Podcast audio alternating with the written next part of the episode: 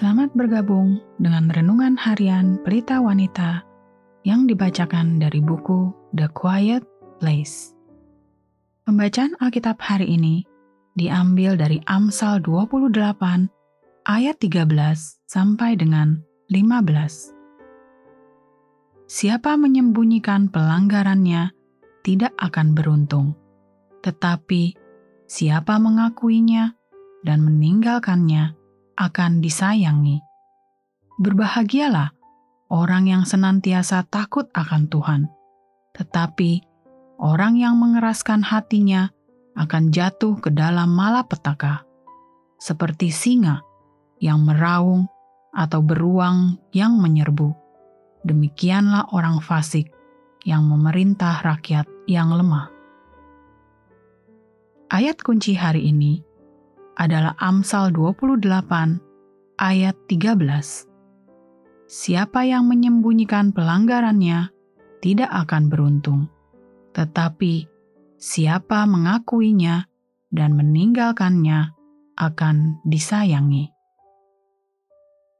Menyembunyikan atau mengaku. Kita tidak dapat berbuat dosa kepada Allah dan melewatkannya seakan-akan tidak ada yang terjadi tanpa menghambat pertumbuhan rohani kita. Kita tidak dapat sukses secara rohani sampai kita dengan rendah hati mengakui dosa kita di hadapan Allah, dan jika perlu, kepada orang lain. Inilah sebabnya mengapa pengakuan dosa adalah sarana anugerah yang begitu penting dalam kehidupan kita. Dari pengalamannya yang menyakitkan, Daud tahu bagaimana rasanya hidup di bawah beban dosa yang tidak diakui. Selama aku berdiam diri atas dosaku, tulang-tulangku menjadi lesu karena aku mengeluh sepanjang hari sebab siang malam tanganmu menekan aku dengan berat. Sumsumku menjadi kering, seperti oleh teriknya musim panas. Mazmur 32 ayat 3 sampai 4.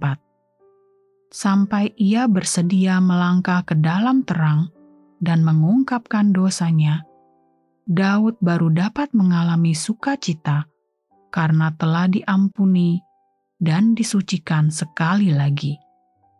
Anda pasti tahu bagaimana rasanya dibebani oleh perasaan berat hati nurani yang bersalah dengan segala dampak fisik, emosional, mental, dan spiritualnya.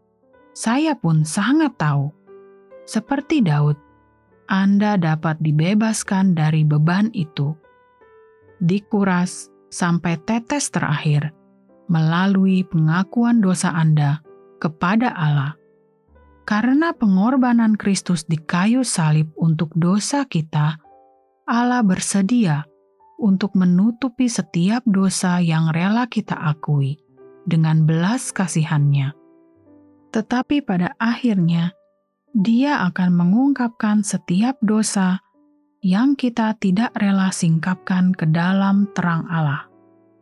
Betapa suatu ketetapan indah yang Allah telah sediakan bagi kita untuk bisa menerima darah Yesus yang membersihkan hati nurani kita yang tercemar dan untuk mendapatkan belas kasihan Allah ketika kita merendahkan diri dan mengakui dosa kita kepada Allah kepada orang-orang yang telah kita sakiti, dan kepada orang lain yang mungkin Allah pakai untuk menjadi bagian dari proses pemulihannya dalam hidup kita.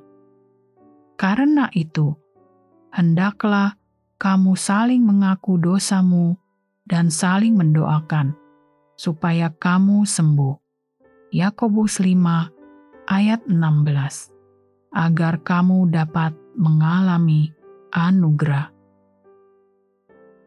Sebagai penutup, mari kita merenungkan pernyataan ini. Ambil kesempatan ini sekarang juga untuk membawa segala dosa yang belum diakui ke dalam terang, untuk mengganti bobot rasa bersalah dengan kebersihan hati nurani yang membebaskan.